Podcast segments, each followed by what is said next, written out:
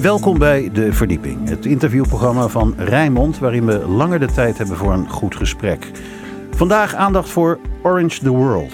En dat heeft niets met onze jongens op het WK te maken, hoewel er raakvlakken zijn met bijvoorbeeld de onderdrukking van vrouwen in Qatar, wat je zou kunnen zien als geestelijk geweld. Want daarom gaat het in Orange the World. Aandacht vragen voor en actie ondernemen tegen geweld tegen vrouwen en meisjes. Wereldwijd. De campagne is vorige week begonnen, 25 november, op de Internationale Dag tegen Geweld tegen Vrouwen. En duurt tot en met 10 december, de Internationale Mensenrechtendag. Ook hier in onze regio heb je misschien wel iets meegekregen van deze campagne met billboards. Of dat je gehoord hebt van bijvoorbeeld weerbaarheidstraining op de sportschool of extra lessen in het onderwijs of door manifestaties. Er wordt van alles georganiseerd, ook in en rond Rotterdam. Orange the World heeft te maken met een nieuwe dageraad. Dat we ooit wakker worden in een wereld waar geweld tegen vrouwen en meisjes niet meer bestaat. Ook vorig jaar besteed ik aandacht aan de campagne. Zoomden we toen in op het probleem van geweld tegen vrouwen en meisjes. Vandaag gaan we dieper in op wat er bereikt is en welke oplossingen er zijn. En dat doe ik hier met vier gasten. Connie Stroet is lid van de Soroptimist Club Rotterdam. Fatma Boechtaoui is uh, medewerker bij Spior en opvoedkundige. Aloali Kananpour is uh, regisseur, acteur, schrijver en uh, directeur van stichting Confro. Een organisatie die met thematheater onderwerpen onder de aandacht brengt uh, bij verschillende doelgroepen. En Shirley Matis, zij is bokstherapeute. Heer, dame, dames, heer, allemaal uh, welkom Dank je, bij, bij, de verdieping. Dank je ja. Yes. Um, uh, Connie Stroet, ik wil met jou even beginnen. Uh, jij bent lid van de Soroptimist Club Rotterdam en betrokken, heel erg nauw betrokken bij de campagne Orange the World. Ik vertelde er al wat over in de inleiding. Waarom vind jij het zo belangrijk om betrokken te zijn bij deze campagne? Um, omdat ik het toch wel heel erg verdrietig vind dat mensen niet in vrijheid kunnen leven. En, of vooral dan in dit geval vrouwen en meisjes, zich niet in alle vrijheid kunnen ontwikkelen. Nee. Zoals ze dat zelf graag zouden willen. Ja, want dat is nog steeds ja. een groot probleem. Hè? Ja. Even over die geschiedenis van de, de, de, de Orange World, hè, Orange the World. Dat is al dat, dat, dat heeft al een aardige historie. Ja, ja. Gaat terug tot de jaren 60. Ja, ja, ja. ja, ja. Vertel. Het, het uh, komt voort uit de moord op drie zusjes -hmm. uh, in de Dominicaanse Republiek. De zusjes, uh, ik heb het er even opgeschreven hoor. de zusjes, zusjes Mirabel. Ja. En zij zijn vermoord door de dictator destijds van de Dominicaanse Republiek, omdat zij politiek actief waren. Ja. En um, toen is eigenlijk op basis daarvan Orange the World Dag uitgeroepen. En eigenlijk sinds de jaren tachtig is het een, uh, ja, meer een periode geworden. En ook door, door uh, de Verenigde Naties uitgesproken. Als eigenlijk de dag om geweld tegen vrouwen en meisjes te gaan bestrijden. Ja. En dat is nu echt een campagneweek. Nou ja, weken nou, 16 geworden. Dagen 16 zelfs. dagen ja, zelfs ja, geworden. Um, ik zei het al, je bent lid van de Soroptimist Club Rotterdam. Wat is dat voor organisatie? Nou, de Soortonist is een uh, internationale organisatie, Mhm. wereldwijd. In meer dan 100 landen zitten we. En ja, wereldwijd uh, behartigen wij dus eigenlijk de rechten voor, voor vrouwen en meisjes. Zodat ze zich allemaal goed kunnen ontwikkelen op uh, economisch gebied, wat betreft onderwijs, Ja. wat betreft ehm, gezondheid. En ook ja, wat, wat betreft ehm, ja, het, het, je persoonlijk kunnen zijn zoals je wil zijn. Ja. Waar, waarom raakt dat jou zo? Nou, ik vind vrijheid wel heel erg belangrijk. Mhm. Het zo, zodra je toch onderdrukt wordt door iets of iemand, Ja. dan gaat ze bij mij iets eh, heel boos worden. Ja. Ja, Maar Zat dat er al vroeg in bij jou? ja, ik vrees wel, ja. Ja, ja vrees. Nee, dat is helemaal niet vrees. Dat is alleen Ja, maar mooi nee, dat ik, je... ik heb dat wel, een, denk ik, eh, min of meer meegekregen van mijn vader. Dat, Ja. eh, ja, ja, ja. het- het- het- de strijd tegen onrecht. ja, een soort strijd van tegen onrecht, ja. Ja. ja, ja.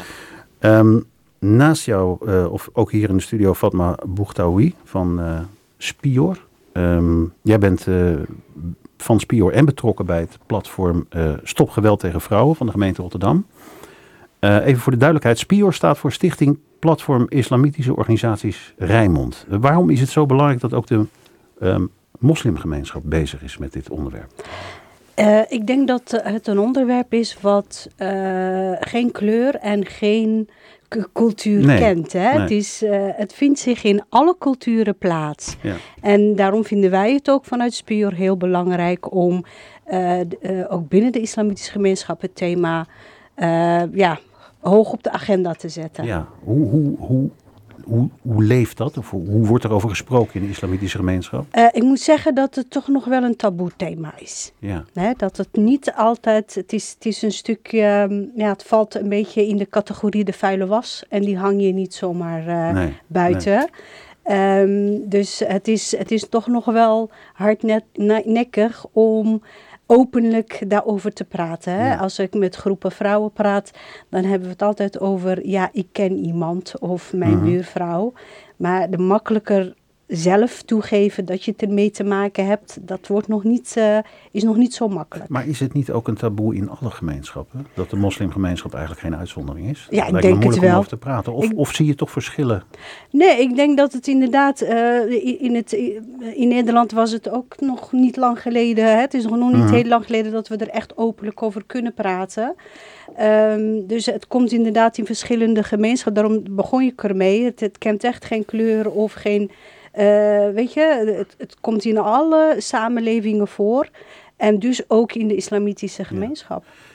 Vereist dat wel een andere manier van aanpak om daarover te praten? Um, ja, ik denk dat, dat uh, het, het, het, de start om erover te praten is van belang dat je echt die veiligheid hebt. Dat je dus voor om met mensen of om het makkelijk te maken voor mensen om te uiten als ze er zelf mee te maken hebben mhm. of het zien gebeuren, dat dat alleen maar kan als het echt in een veilige omgeving is. dus daar begint het alles. mensen moeten echt wel het vertrouwen hebben dat er uh, op een goede manier met de informatie wordt omgegaan. Ja, Hoe win je dat vertrouwen? Ja, dat win je door uh, langdurig, langdurig op, op, uh, op een groep te zitten. Hè? Mhm. Dus dat, dat je regelmatig um, met groepen uh, in gesprek komt en dat ze ook zien dat er op een, um, betrouw, uh, op, op, op een betrouwbare manier omgegaan wordt met wat er gezegd wordt. Want neem mij even mee, hoe ziet dat eruit? Zijn dat sessies of avonden? Of, of hoe, hoe werkt ja, zoiets? Het zijn dus, uh, we, we, zoeken de mensen op in hun veilige plek. Hè, ja. dus, uh, Wat is dat dan, een veilige plek? Nou, bijvoorbeeld een moskee. Of een, uh, een, een, plek in de wijk waar de groep bij elkaar komt. Hè. Je hebt tegenwoordig van die huiskamers -hmm. in de wijk, waar dus groepen vrouwen bij elkaar komen. Dus je zoekt ze op. En dan weet je dat je al in een veilige omgeving bent, ja. want daar komen ze al bij elkaar. Ja, ja. En dan is het aan de gespreksleider die over het thema praat, natuurlijk van belang om langdurig op de groep te, bij de groep te komen. Um, en uh, ja. Uh, het op een veilige manier bespreekbaar te maken. Dus we beginnen niet gelijk van heb jij ermee te nee, maken. Nee, nee, nee, maar we beginnen natuurlijk van breed. Ja. Het is een probleem, het komt vaak in de samenleving. En het is echt opmerkelijk dat je vrij snel wel dat er misschien niet in de sessie zelf, maar dat na de sessie iemand je naloopt en zegt van hé, hey, ik wil toch wel even met je er praten. Er wordt toch iets losgemaakt. Juist. Wordt ook de vraag gesteld of er thuis over gesproken wordt? Ja, daar hebben we het zeker wel over. Ja. Kijk, ik, ik ben opvoedkundige en ik vind natuurlijk opvoeding een hele belangrijk thema. Mm -hmm. uh, want daar worden de steentjes gelegd voor alles wat in, het, in de volwassenheid uiteindelijk um, ja, de, een persoon aanstuurt. Um, ja, het, het, met elkaar erover praten aan de huiskamer, uh, in de huiskamer is van groot belang. Ja. Uh, dus met partners, maar ook als het niet kan met de partner, dat je de hulp zoekt binnen de familie. Ja. Uh, want ik merk, kijk, vroeger, ik kom uit een cultuur waarin familiebanden heel sterk waren. En dat je dus echt wel op elkaar kon rekenen en met elkaar. En ik merk dat zelfs binnen de islamitische gemeenschap het individualisme het langzaam ook aan het overnemen Terwijl is. Het beeld, misschien het scheve beeld, maar het beeld bestaat dat dat juist zo'n hechte gemeenschap is. Ja, het is er nog, maar ja. je merkt toch wel dat hoe hoger uh, jongeren opgeleid worden, hè, ze toch wel bepaald, ja, als je lang genoeg in een land uh, leeft, dan neem je bepaalde gebruiken Ja, over. het individualisme Het individualisme. Ja, is daar ook, waardoor je dus hebt dat mensen te lang met een probleem lopen Mhm. en het dus niet makkelijk uh, binnen de familie bespreekbaar maken. Naast jou zit uh, Alouali uh, Kanampour van de stichting Confro. yes. Wat doet jouw stichting? Um, wij geven trainingen in bedrijven, in wijken, maar voornamelijk in het onderwijs, van kleuterklas tot en met de universiteit. Ja. Heel, heel, heel vaak per jaar. En daarbij maken we hele moeilijke onderwerpen bespreekbaar. Door middel van? Door middel van dialogen. En daarbij maken we ook gebruik van kunst. Ja. Uh, weerbaarheidstrainingen, heel vaak theater om, om het probleem te visualiseren. Maar dat is vaak maar 10% van, van de training. Ja. Uh, we zijn vooral gericht op de dialoog aangaan. Ja, ja, want hoe ziet dat eruit dan? Wij, wij komen langs en um, laten iets zien. Over, en dat gaat over verschillende onderwerpen. Maar we zijn hier vandaag in het kader van Orange the World. Mhm. Dus dan laten we een theaterstuk zien um, dat gaat over het onderwerp. En vervolgens gaan we met de klas uh, in gesprek over het onderwerp. Ja. Wij uh, zijn ook een groep uh, nou ja, professionals, maar tegelijkertijd ook ervaringsdeskundigen, zowel plegers als slachtoffers. Mhm. En um, wij creëren eigenlijk uh, een milieu in de klas waarbij leerlingen en studenten zien dat het oké okay is om over dingen te praten, Ja. waarvan ze normaal gesproken dachten dat het niet oké okay Ja. was om daarover te praten. En vaak ook het eerst, de eerste keer is dat ze over hun eigen ervaringen durven te vertellen. En dat zijn vaak hele schrijnende verhalen. Ja. Wat voor verhalen hoor je? Um, nou ja, van, van pedoseksualiteit tot incest, tot uh, seksueel geweld, kindermishandeling, uh, achterlating, uh, uithuwelijking op hele jonge leeftijd. Um, ja, wat eigenlijk niet heel veel lid wanneer is wordt, uit dat de maatschappij. wanneer, wanneer wordt dat gezegd? Openlijk? Ja, tijdens de... tijdens dat moment. En want jij noemt net een voorbeeld. Eh, eh, Mag ik als voorbeeld nemen dat jullie dan eh, naar een klas komen Ja. van een middelbare school bijvoorbeeld? Nou ja, dan, dan gebeurt dat inderdaad. Wij, um, Maar dat is wel heftig als dat... Ja, tuurlijk is dat heftig. Maar zij zien tegelijkertijd ook, wij we, halen, we halen die heftigheidsgraad ook wel naar beneden. We maken het heel laagdrempelig. En zij zien ook dat wij zelf van alles hebben meegemaakt in ons leven. En dat ze ons niet oordelen. En als zij dat niet bij ons doen, um, creëert dat automatisch bij die leerlingen en studenten dat ze denken van, hé, waarschijnlijk doen ze dat ook niet bij ons. Dus misschien kunnen we wel openlijk praten over wat we hebben meegemaakt. En vervolgens doen ze dat en zien ze dat, het, eh, dat de setting veilig is. Ja. En op het moment dat ze dat doen, ehm, creëer je eigenlijk voor de rest van het jaar dat, dat ook als wij weggaan, dat de docenten en de leerlingen en studenten onderling zien dat het oké is om, om erover te Want praten. ik denk dat ook sommige docenten ervan kunnen leren. Tuurlijk, absoluut. Ja. Ja. Wa- Wat wij eigenlijk, eh, ehm, om het maar mooi te zeggen, je hoort natuurlijk heel vaak statistieken over Ja. geweld tegen vrouwen. Ja. Of het nou eh, mentaal, fysiek of seksueel is. Eh 60% dit, 70% dat, 3 op de 5, 4 op de 5.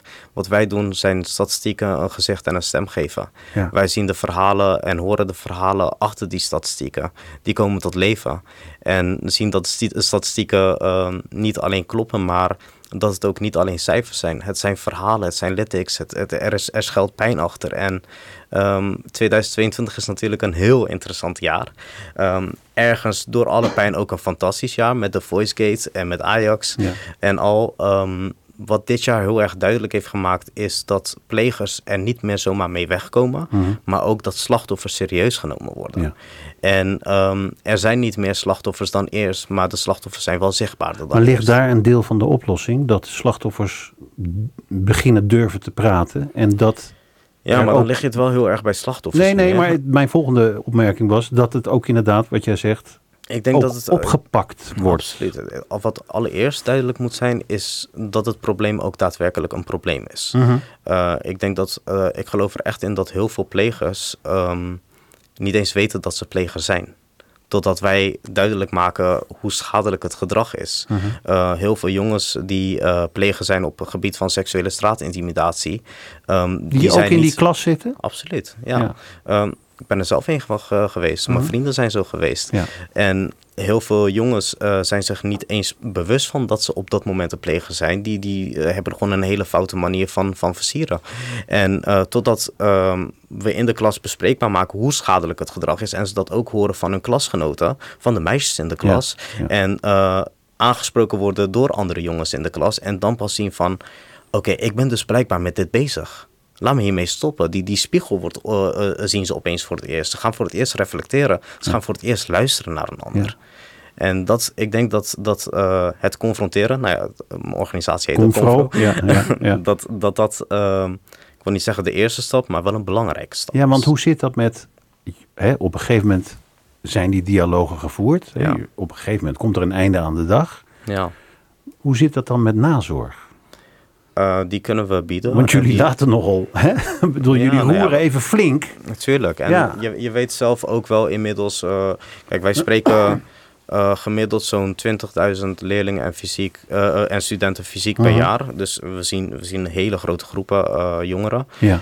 En je weet zelf wel hoe diep je kan gaan en hoe niet diep je kan gaan. Als, als er een bepaalde klas is waarbij de situatie niet heel erg veilig is, dan ga je ook geen verhalen lostrekken of zo. Nee, maar dat bedoelde ik ook niet. Nee, maar soms, soms kan je dus wel dieper gaan. En als de klas een vervolgdialoog nodig heeft of een nazorg, dan bieden we dat. We hebben ook altijd of een maatschappelijke werker of een therapeut of wie dan ook. Iemand uh, vanuit professionele hoek die aanwezig is uh, bij, bij de dialogen. En tegelijkertijd is het ook een eis van ons dat de maatschappelijk werker vanuit de school aanwezig is bij, bij de klas. Niet alleen om de nazorg aan te bieden, maar ook om te zien wat er daadwerkelijk speelt onder de, onder de jongeren. Ja. Zodat ze daar ook weer mee verder kunnen gaan. Want ook jij uh, heeft denk ik, hebt denk ik meegemaakt, net zoals Fatma, dat er na jullie uh, uh, dialogen, dat er iemand achter je aanloopt van ik wil er toch nog iets over kwijt. Ja, tuurlijk. Nou we, we, hebben, we hebben situaties meegemaakt waarbij we bijvoorbeeld uh, twee meiden hadden die na de klas uh, vertelden over, omdat we het bijvoorbeeld hadden over uithuwelijking, dat ze op het punt stonden om op 16-jarige leeftijd uitgehuwelijk te worden aan, aan een neef die, aan wie ze bij de geboorte al waren beloofd. Mhm. Ehm, dan gaan de routes helpen eh, lopen. We, um, we, maken gebruik van de meldcode. We kennen heel veel uh, partners daarin. En we hebben ervoor gezorgd dat zij niet uitgehuwelijkt hoefden te worden. Op het moment dat iemand aangeeft dat er op dit moment sprake is van seksueel geweld, dan gaan we daarmee aan de slag. En soms gaat het. Uh, nou ja, ook gewoon live in action heel erg heftig. Dat, dat, uh, dat een leerling of student zegt van ik was op dit moment vanmiddag van plan om er een einde aan te maken. En door, door voor het eerst openlijk over emoties te mogen praten en daarna ook te mogen blijven hangen en met ons te mogen spreken, um, zorg je ervoor dat, dat, dat ruimte is voor die emotie en dat die student er nu nog is. Naast jou uh, Shirley Ann uh, Matis. Yes, hi. Uh, jij geeft door middel van boksen uh, workshops aan kwetsbare vrouwen. Waar moet ik dan aan denken? Uh, ja, uh, kwetsbare vrouwen, dat, uh, ja, dat is heel verschillend. Um, ik geef ehm, workshops aan verschillende doelgroepen, maar mhm. ook dus onder andere kwetsbare vrouwen. Ja. nou, deze week is natuurlijk ook in het kader van Orange the World. En um, als je het dan hebt over kwetsbare vrouwen, zijn dat vrouwen die te maken hebben gehad met fysiek geweld, maar ook mentaal geweld, uh, seksueel geweld. En wat ik dan doe, is dat door middel van boksen um, eigenlijk delen terughaal van, van, van jezelf die je kwijt bent geraakt op dat moment. Dus niet zozeer het weerbaar maken en jezelf uh, zelfverzekerder maken en sterker maken. Dat, dat het is iets anders dan zelfverdediging. Precies, iets anders dan zelfverdediging. En het gaat heel erg over hè, welk deel ben je kwijtgeraakt op het moment dat je iets is aangedaan. Um, dus op het moment dat jij um, nou, in, een, in een situatie bent beland waarin je seksueel misbruikt bent, dan kan het zo zijn, en dat is in de meeste gevallen zo, dat je uh, ook uh, um, de, het vertrouwen in je lichaam kwijt bent geraakt. Je bent dan in een freeze toestand gekomen, dus die uh, nou, deel in je brein uh, is uh, geactiveerd op zo'n moment. En het enige wat je kan doen is vechten, vluchten of bevriezen. Ja. En vaak zullen dat zo door ook nadat zoiets is gebeurd. wat dan resulteert in bepaalde patronen die, nou ja, die in je leven ook weer terugkomen in een nadelige vorm. Dus uh, dat ze moeite hebben met voor zichzelf opkomen of uh, moeite hebben met grenzen aangeven. En met boksen maak ik dat voelbaar. En kunnen we ook daar naar teruggaan om, ja, om eigenlijk weer uh, het stukje te gaan oppakken wat je graag zou willen doen. Maar vaak denken mensen dus dat het heel erg gaat over alles er even lekker uitboksen. Nou ja, dat, ja. ja. dat was misschien ook wel je vraag inderdaad. Dat is ook wel het eerste wat de meeste mensen zeggen. Oh, lekker, dus bij jou, bij jou mag je alles uitrammen. Um, dat, ja, dat, dat klinkt heel lekker, maar het gaat dus ook heel erg over traumasensitief werken. Dus op het moment dat je dat vertrouwen in je lichaam bent kwijtgeraakt um, en je lichaam geen veilige plek meer is, dan zou je eerst dat vertrouwen moeten gaan opbouwen. En dat is wat ik doe met de vrouwen. Uh, om vervolgens ook steeds meer dat vuurtje, dat vertrouwen aan te gaan wakkeren. En uh, uiteindelijk lekker te gaan boksen. Ja, maar hoe, hoe, hoe verloopt die route? Want ik bedoel, het is een een, een psychofysieke uh, benadering. Klopt, ja. Is, hoe, hoe gaat dat dan als, als, als vrouwen bij jou binnenkomen? Uh, meestal worden ze dus aangemeld en dan uh, krijgen ze een sessie. Dan hebben we de eerste sessie. En dan um, ja, ga ik eigenlijk met ze onderzoeken uh, hoe, in welke mate dus, uh, ze last hebben van bepaalde situaties. Ja. En dat doe ik niet door alleen maar terug te gaan naar het verleden, maar eerst te checken hoe is de verbinding met je lichaam en hoe veilig voel je in je lijf. Zie je uh, dat al als ze binnenkomen? Ja, absoluut. Ja. Dus dan gaan ze de, ja. de ruimte scannen, ja, ja. de houding in je lichaam. Ik vraag ook vaak naar bepaalde klachten in het lichaam. Dus op het moment dat er um, ja, bepaalde situaties niet zijn verwerkt of bepaalde emoties niet zijn verwerkt, gaat het ook in het lichaam vastzitten. Mm -hmm. Als chronische klachten of vaak ziek zijn. Uh, en aan de hand daarvan kijk ik nou, hoe, hoe het zit en hoe veilig zo'n persoon ook voelt in zijn lichaam. Ja. Ja, jij, jij hebt gezegd, ik geloof dat boksen de puurste vorm van verbinden en communicatie is. Ja. Ja, leg uit. Mooi.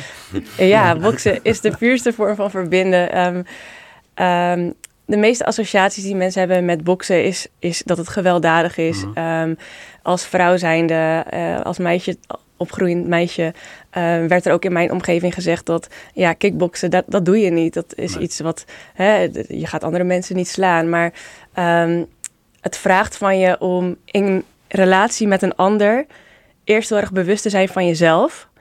Um, maar om dat spel te gaan spelen van het sparren, zal je toch ook het ritme moeten vinden van de ander. Samen een ritme moeten vinden. Uh, dus het is heel erg ja, verbinden met elkaar, uh, spiegelen, um, hoe de ander tegenover jou staat. Wat zegt dat? Hoe reageer je daarop? Dus je kan ook heel goed eruit halen hoe je communiceert ja. uh, op het moment dat iemand dus tegenover je staat. Ja. Want het is toch zelfs bewezen dat, dat er uh, bepaalde jongeren zijn met agressieproblemen die door middel van boksen uh, waar, waarbij dat probleem omlaag gaat. Of zo. Absoluut, ja. Toch? Dat zie je nu steeds meer. Het wordt wel, is best wel een hot topic tegenwoordig. Uh, heel veel bokscoaches, bokstherapieën.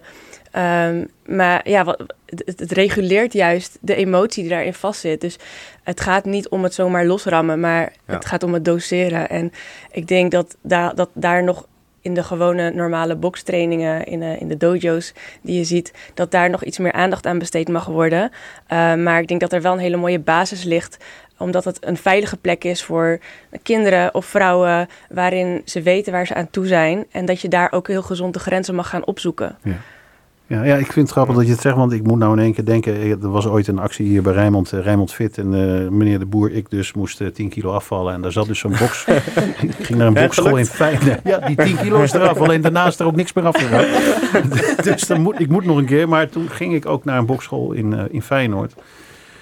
Uh, en ja, ik, ik, ging er inderdaad heen met de gedachte van, uh, oh ja, nou, nou, dat, dat, wordt dus ram op een zak. En, uh, maar maar dat, daar ging het dus helemaal niet om. Nee. En ik voelde aan alles dat, dat je, ja, je maakt op een nieuwe manier kennis met je lichaam? Klopt, je, je, je, het, je, ben, je moet bewegen, je moet de, de, de combinaties uitvoeren, je moet focussen op je ademhaling, ja. uh, de stapjes maken. Je kan natuurlijk niet op één plek blijven staan. Nee. Uh, je focust op de tegenstander. Ja. Dus het vraagt ontzettend veel van je zenuwstelsel om daar uh, mee aan de slag te gaan. En dat is ook zo mooi met, met de therapeutische vorm, is dat je weer nieuw, nieuwe neurologische verbindingen kan aanmaken. Mhm. Dus op het moment dat iemand dus in zo'n freeze of zo'n vechttoestand is gekomen, dat je nieuw gedrag kan aanleren leren. Ja. Uh, ja. Door dat stap voor stap op te bouwen. Ja. En mag ik dat vragen? Is, is, het kickboksen dan ook completer dan het gewone boksen? Um, nou, met boksen kan je al heel veel. -hmm. Maar vanuit trauma-sensitief uh, werken, um, ja, als je het hebt over de ledematen, uh, met de armen zijn we vaak heel sterk. Maar de benen kunnen ons helpen om te vluchten. Dus wat ik vaak doe, is ook eerst rondjes rennen als iemand nog dat vluchtgedrag, ja, dat vluchtgedrag ja. uh, in zijn lichaam uh, heeft zitten. Gebruik het dan even. Gaan we het eerst gebruiken? Ja, ja dus waar, wat mag er gebruikt worden? Zijn het de armen of de benen? Dus ik vind, het, vind dat een hele mooie vraag. Dankjewel, Connie. Ja. dat is heel belangrijk. Dankjewel, Connie. we, gaan even naar, we gaan even naar wat muziek. Jij hebt meegenomen Salt Wildfires. Yes. Waarom? Um, nou, het is eigenlijk een nummer dat uh, geschreven is over nou ja, de, de rassen. Um, uh, de, dus de, de, hoe zeg je dat? De, de, nou, de moorden van de politie uh, ja. in Amerika op ja. Floyd. Nee, of, ja. van Pink Floyd inderdaad. Ja, George Floyd. Ja. George Floyd, ja, Pink Floyd. Nee, ja, maakt niet uit. Goeie muziek. Ik, uh, maar die hebben naar mij weten nog niks gedaan. Maar, uh, maar ja, het, het, wat mij zo raakt in dit nummer is dat um, even if there are wildfires ik, ik blijf gewoon staan en ik, ik ga door. En ehm, ik geloof daarin van hè, laten we doorgaan en kijken hoe je daar bovenuit kan herreizen als een soort phoenix. Uh, vandaar dat het nummer voor mij heel, ja, heel, heel erg raakt.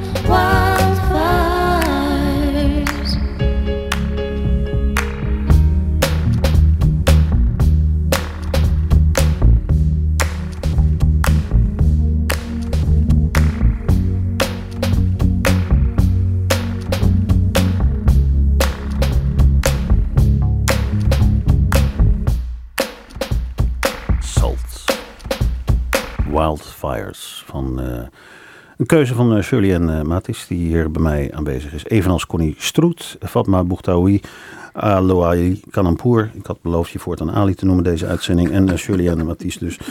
bij deze uitzending die is gewijd aan Orange the World. Waarom voel je het zo belangrijk, Fatma, om hier je bijdrage aan te leveren? Nou, omdat ik ehm, ja, elk geweld al is het er maar één, is er één te veel. Mhm. Dus ik, uh, ik zal me altijd wel inzetten om geweld de aandacht aan te besteden. En uh, de mensen bewust te maken van, uh, wat Ali zei, um, bewust te maken van wat het met anderen doet. Ja. En, um, en, en dat er dus ook een andere manier is om voor jezelf op te komen. Of wat dan ook zonder Welke andere manier is er? Ja, dat je ook kunt communiceren. Want ik denk dat, dat dat toch wel een heel groot punt is. Dat als je geweld gebruikt, dat dat, dat onmacht is. Dat je dus niet genoeg zeg maar, de, de, de, andere middelen hebt om, weet je, vanuit rust duidelijk te maken dat iets jou niet zint, dat een ander over je grens is gegaan. En dus als, dat, als je dat mist, ja, dan ga je echt wel uh, naar, naar het geweld uh, um, grijpen. En heel vaak merk je, dat, dat zei ik ook, het kon, kinderen, uh, mensen pikken dat ergens op. Ja, en want jij bent opvoedkundige. Ja. Waar, wordt dat zaadje inderdaad al vroeg geplant? Het, het zaadje wordt al geplant. Hè? kinderen, we zeggen ook altijd, wat kind kinderen doen wat ze zien. Uh-huh. En niet wat je tegen ze zegt. Nee. Dus je kan uh, heel vaak gesprekken met je kind hebben en zeggen van nou geweld mag niet. Maar als papa af en toe uh, op een andere manier of, ja. uh, communiceert met mama dan ja. gewoon praten, ja. dan is dat het zaadje wat geplant wordt. Ja, want even voor de duidelijkheid, wij, bij geweld denken heel veel mensen aan fysiek geweld. Maar laten we even het, het, het geestelijke geweld niet... Ja, het geestelijk geweld, het, het kleineren, geweld, het kleineren, het... het, het um, ja, het, het woorden gebruiken uh, waardoor een, een, je een, een, persoon echt heel diep kwetst. Ja. Weet je, dat blijft ook hangen. Ja. En als een kind daarmee opgroeit en alleen dat ziet gebeuren in zijn omgeving, mm -hmm. dan is dat zijn kopingsmechanisme. Ja. Dan is dat de manier waarop hij of zij, hè, dus in die puberteit of daar later, op die manier mee omgaat. En daarom is het van groot belang. Ik denk dat als een kind opgroeit in een uh, warm, liefdevol nest. De, uh, en, en, en ziet hoe ouders op een, op een gezonde manier ook hun conflicten. Want conflicten horen, er, horen bij het leven. -huh. Weet je, maar dat je dan aan tafel kunt zitten en met elkaar erover praten en daar een uitweg in kan vinden. Dat is het mooie voorbeeld wat je bent voor jouw kind. Dat hij ja. ziet van, oh, weet je, je kan het wel eens uh, moeilijk hebben. Maar je kan ook gewoon met elkaar praten erover. Ja. Weet je, dat is denk ik een hele grote, ja, uh, kinderen leren door het voorbeeld. En ik, mm. ik zeg altijd aan ouders, uh, bedenk wat voor voorbeeld ben je nee, voor want, jouw want, kind. Want in dit geval hebben we het nu over die sessies die jij hebt met, met de vrouwen uit de moslimgemeenschap. Hè? Mm. En sommigen die zijn een beetje stilletjes, maar die lopen dan achteraf ja. uh, na, na, na zo'n groepsgesprek naar je toe. Uh, maar ja, it takes two to tango, hè? daar is natuurlijk ook nog een partner. Uh, ja. Maar goed, jij praat met de vrouwen. Ja. ja. Wat geef je hen dan mee om ja, vind het een beetje ordinair om te zeggen, als huiswerk? Ja, het huiswerk is inderdaad om, om te praten. En uh, lukt het niet alleen, maak gebruik van jouw netwerk. Ja. Zet jouw ouders, jouw broers, jouw familieleden in die, die jou daarin kunnen ondersteunen. Want natuurlijk, uh, ik denk dat iedereen wel een poging doet om te praten. Maar als dat niet lukt, als de boodschap niet overkomt, gebruik dan je netwerk. Zorg ervoor dat je mensen die je vertrouwt, uh, die, die, die, ja, die je graag willen helpen. En heel veel mensen denken dat dat niet zo is.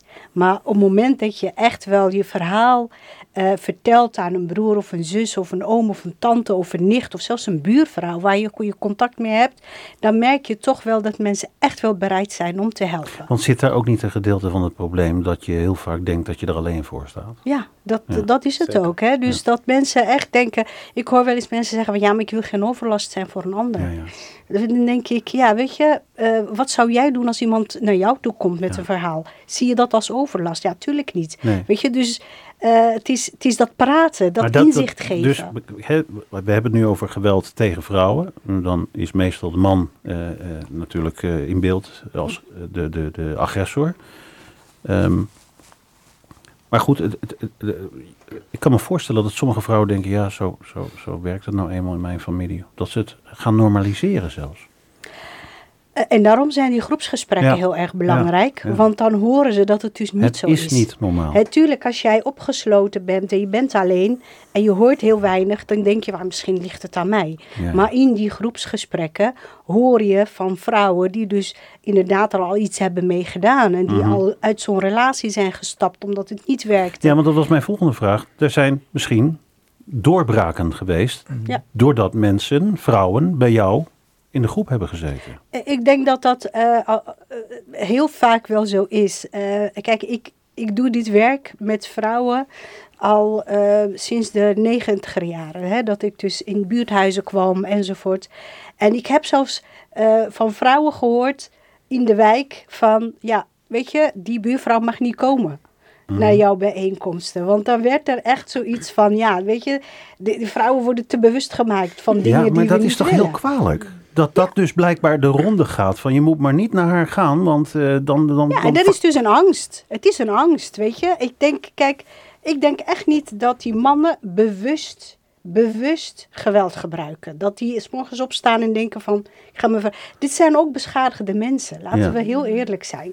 Weet je, zowel de, de, de, slachtoffers als de daders zijn beschadigde mensen. Weet je, want als jij het op een andere manier kan mhm. oplossen, dan doe je dat ook wel. Ja, ik vind het een vreselijk woord om te gebruiken, maar ik gebruik hem toch.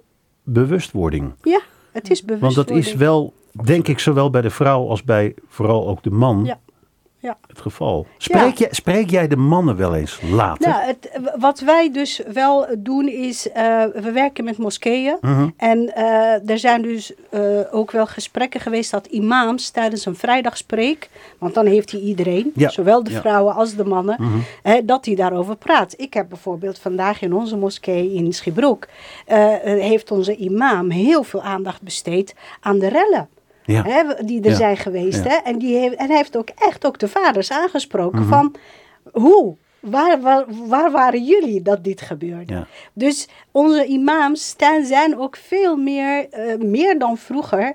Ook ze zijn hier opgegroeid, hè? het zijn ook jonge imams, um, die dus ook wel weten wat er in de samenleving gebeurt. En die dat ook in de moskee bespreekbaar maken. Die, die echt mensen aanspreken van, hé, hey, wacht even, dit kan niet. Ja. En dat bespreekbaar maken, Fatma had het net al over uh, een veilige nest uh, thuis hebben, warm dat, dat, is zo, dat is zo belangrijk. Wij, wij vragen bijvoorbeeld heel vaak aan jongeren van... stel je voor dat je zelf nu slachtoffer bent van exposing... of van seksueel geweld of wat dan ook. Wie zou dat thuis durven te vertellen? Mhm. En je ziet bijvoorbeeld van de twintig jongeren... dat er misschien drie vingers uh, de lucht in gaan. En de vervolgvraag is... stel je voor dat je zelf ooit vader of moeder bent... en jouw kind op jouw leeftijd uh, heeft hiermee te maken. Wie zou willen dat je kind het aan jou vertelt? En alle handen gaan de lucht in. Nou ja, wat is dat verschil? Het verschil is dat ze uh, niet voelen dat die ruimte er thuis is om erover te praten. En ik geloof heel erg dat uh, mensen liegen of iets verzwijgen door de, consequenties, de consequenties die zijn verbonden aan de waarheid. Ja. Dus en welke consequenties zouden dat dan uh, moeten dat, zijn? Dat kan dus uh, dat je ouders heel heftig reageren op fysiek gebied, op, mm -hmm. of dat je de schaamte heel extreem ziet bij je ouders en dat je dat niet wil zien. Terwijl als je misschien thuis of in de moskee of nou ja, überhaupt de mensen die hier in de ruimte zitten, als je begripvol reageert of in ieder geval open staat voor het verhaal, dan voelen mensen ook veel meer de ruimte om te delen. Ja. En het zou fijn zijn als mensen dat veel meer thuis zouden voelen. Ja. Ja, we zitten hier niet voor niets natuurlijk. Om, en, en deze campagne wordt natuurlijk niet voor niets uh, gevoerd. Um, er valt nog wel een hoop te winnen. Tuurlijk. Zeker. Wat zijn, wat zijn de, de dingen waarvan jij hoopt dat die op korte termijn... Het, uh, het uh, nou ja, ik val bijna in verhaling, maar het nee, bespreekbaar maken. Ja, uh, ja. En, en we hebben het ook heel vaak in de maatschappij over het opvoeden van onze jongens. Ja. En um, daar sta ik heel erg achter. En ik hoop wel dat we het op een iets andere manier insteken. Want we zijn nu, uh, ik vind wel dat als je jongens gaat opvoeden, dat je ze moet opvoeden alsof het daadwerkelijk mensen zijn. Ja. Uh, als je, als je, uh, als moet je, je even met, uitleggen. Nou ja, als, stel je voor dat jij een kind ga, gaat opvoeden, over ja. welk onderwerp dan ook. Ja. En jij vertelt alleen maar tegen dat kind van je mag dit niet doen en je mag dat niet mm -hmm. doen en je mag dat niet doen. Dan zal iedereen tegen jou zeggen van Ruud, dit is niet de manier. Mm -hmm. Maar wat wij doen op gebied van seksueel geweld, seksuele straatintimidatie of noem het maar op, is dat we tegen onze jongens constant zeggen van jij mag dit niet doen en jij mag dat niet doen. Maar als je de creativiteit, de creatieve oplossing achterlaat bij jongens, dan kan ik je alvast zeggen dat het probleem niet gaat opgelost worden. Mm -hmm. Want als zij wisten wat de oplossing was, hadden we geen probleem. Nee, dus als je tegen jongens zegt dat ze niet moeten fluiten, dan gaan ze schreeuwen. Als je zegt dat ze niet achter een vrouw aan moeten lopen, gaan ze voor haar staan. Ja, ja, ja. Um, dus het is ja, best wel belangrijk. We, ja, zeg ze wat, wat, wat ze je wel wil, moeten doen. En ja, niet precies. wat ze niet mogen doen. Ja, anders, anders laat je de oplossing bij hun. Uh, maar het is al duizenden jaren een probleem. Dus misschien is het wat beter om tools aan te reiken hoe ze zich wel moeten gedragen. Ja, ja. ja ik, ik zie jou stevig uh, knikken. ja. Shirley Ann. Ja, ik ben het helemaal met hem eens. um, ja. ja, nee, goed. Ja. Ik, ik, want ik, ik ben ook benieuwd. Uh, jij, jij hebt die, die sessies. Klopt. Met, met, met, met uh, nee, kwetsbare vrouwen vind ik ook zo'n... Zo met vrouwen. Ja, met vrouwen, met vrouwen precies. heb ik deze sessies, ja. ja. En voor mij gaat het om het vuurtje weer naar boven halen, dat gedoofd is. Ja. En dat kan zijn door zowel fysiek geweld, maar ook psychisch geweld. Uh, waaronder, eh, we hadden het net over de opvoeding. Als je steeds gekleineerd wordt, uh, dat je niet dat je geen zelfvertrouwen hebt om bepaalde ambities achterna te gaan. Dat je bang bent voor je eigen vuur. En dat je die daardoor niet kan controleren. En dat je dan ziet dat sommige meiden uh, dan probleemgedrag gaan vertonen in de puberteit. Uh, dat het dan heel erg extreem wordt op andere gebieden. Um, of dat ze dus heel, ja, heel erg ingetogen blijven en altijd maar ja knikken en over hun grenzen heen laten gaan. En wat ik heel graag wil, is dat die vrouwen voelen dat ze echt wel weer gewoon gewoon heel krachtig mogen zijn. En op het moment dat je dus krachtig bent, dat je, uh, dat je soms ook weerstand nodig hebt om dat te kunnen voelen. Maar dat je dan daarmee kan gaan bewegen. Maar dat zie jij gebeuren tijdens die sessies? Ja, dat zie je fysiek gebeuren. Hoe, zie, hoe ziet dat eruit? Wat gebeurt er dan? Wat voor zindering gaat er door die ruimte? Want ja, kan me voorstellen dat het bijna niet te dat beschrijven is. Dat is bijna niet te beschrijven. Dat, is, dat, dat, dat is gewoon een energie die je voelt. En um, ja, dat, heel, heel lastig, maar, maar wel een heel groot gevoel van overwinning. En, ja. Uh, ik kan me zo voorstellen dat jij daar nou, heel dichtbij staat. Ja. Dat, je ziet dat gebeuren onder je neus. Klopt, ja. Dus als, als therapeut vraagt het van mij ook om heel erg sensitief te zijn, om dat te kunnen voelen. Ja. Uh, dus ik ben heel erg afgestemd op die vrouwen. Uh, je moet je gewoon ook heel erg goed kunnen inleven. Uh, weten wat daar, wat er speelt. Uh, dus op het moment dat we de, dan ook met een oefening bezig zijn. En ik um, noem dat een doorbraakoefening, waarbij ze dus door een, um, dat, dat, dat, daar gaat vooraf wel een traject uh, aan vooraf. Dat bouw je op. En dan aan het einde van het traject doen we vaak een doorbraakoefening. Uh, en dat houdt in dat ze dus echt door een situatie heen boksen, uh, wat ze belemmert om naar een volgende punt te komen, naar de gewenste situatie. Ja. Um, en dan vraagt het van ze om eerst echt even een paar minuten gewoon los te boksen. Zonder dat ze daarmee bezig zijn. Om helemaal in dat lichaam te komen. Want mhm. wat we vaak doen is toch weer terug naar ons hoofd schieten. En alles proberen te rationaliseren. En dan weerhoudt het je weer van om in beweging te komen. Dus dan ja, laat ik ze echt even boksen. En um, uiteindelijk uh, ja, moeten ze toch echt even door de weerstand heen. Dus ik bied ook echt weerstand op het moment dus dat ze daar doorheen boksen. Nou, je moet even misschien visualiseren ja, voor ik ben je. Dat, dus nu dat ik doen, een, maar... uh, een stootkussen voor me hou. Dus niet op een bokzak. Ik hou die stootkussen vast. Dus ik vang ze zelf ook op de stoten. Uh, maar kijk jij ze aan in de ogen? Wat, ja, wat, dat, wat, wat, ja, wat, wat zeg je dan op dat moment? Zeg, of zeg je ja, niks? Ja, ik moedig ze aan. Ik kan ze ook soms een beetje gaan provoceren. Een beetje triggeren. zodat ze voelen dat ze daar doorheen mogen. En wat ik al zei, daar gaat wel een traject aan vooraf. Dus het is niet dat ik ze helemaal terugbreng naar een plek. Dus het moet eerst veilig zijn, zodat ze niet hergetraumatiseerd raken. Mhm. dat, is, dat is vooral heel belangrijk. Het klinkt ook een beetje als een soort healing. Is het, zeker. Ja. ja. Ja, ja.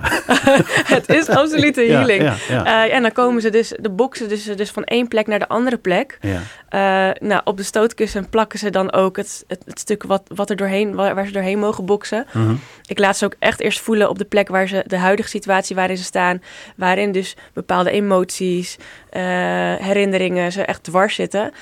laat ik ze ook visualiseren en dat het ook gewoon voelbaar is. En Vervolgens laat ik ze op de gewenste situatie staan uh, waar ze kunnen voelen en gaan ze visualiseren hoe dat is en hoe dat voelt. En dan denken ze, potverdikke me, daar wil ik naartoe en ik wil hier echt van af. Ja. En dan, ja, door, door het boksen is dat dus ook echt voelbaar en weten ze dat ze het ook echt aankunnen. Spreek jij enige tijd later nog wel eens met ja, zeker. Ja, ja er en gebeuren hoe kijken ze er dan op terug? Ja, um, ja de, de, de resultaten, eh, ja, die zijn wel ook wel echt heel bijzonder. Uh, omdat het dus zo fysiek is, het gaat echt in het lichaam zitten. Um, voelen ze dus ook echt het vertrouwen om bepaalde stappen te maken, bepaalde keuzes te maken. Dus een keuze te maken om te gaan ondernemen of een andere baan te kiezen. Of uh, in sommige gevallen zelfs bij een partner weg te gaan als er daar een hele, als er sprake is van een ongezonde uh, ja. relatie. Ja. Omdat ze fysiek gewoon veel sterker voelen. Ja. Ik kan me ook wel voorstellen dat ze op kickboksen gaan. Om, om wekelijks hiermee bezig ja, te kunnen ja, dat, zijn. Dat kan ik ze zeker. Dat adviseer ik meestal ook om een goede sportschool op te zoeken. Uh, waar je gewoon dat kan gaan onderhouden. Ja. ja. We gaan even naar muziek. We gaan naar een heel mooi nummer. Luca. En dat is van Suzanne Vega.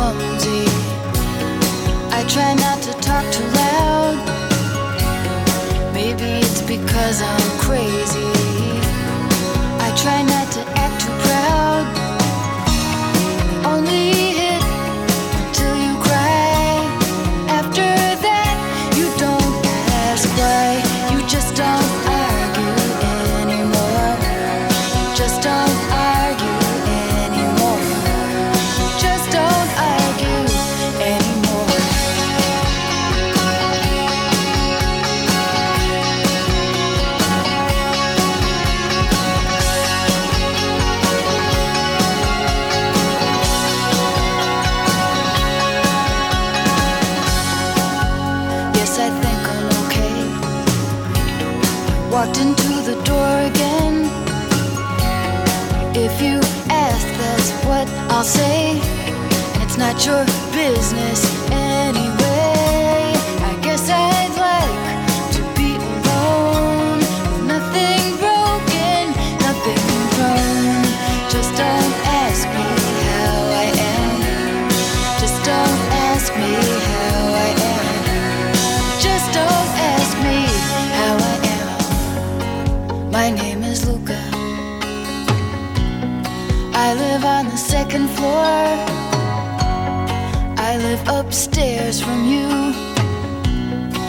Yes, I think you've seen me before.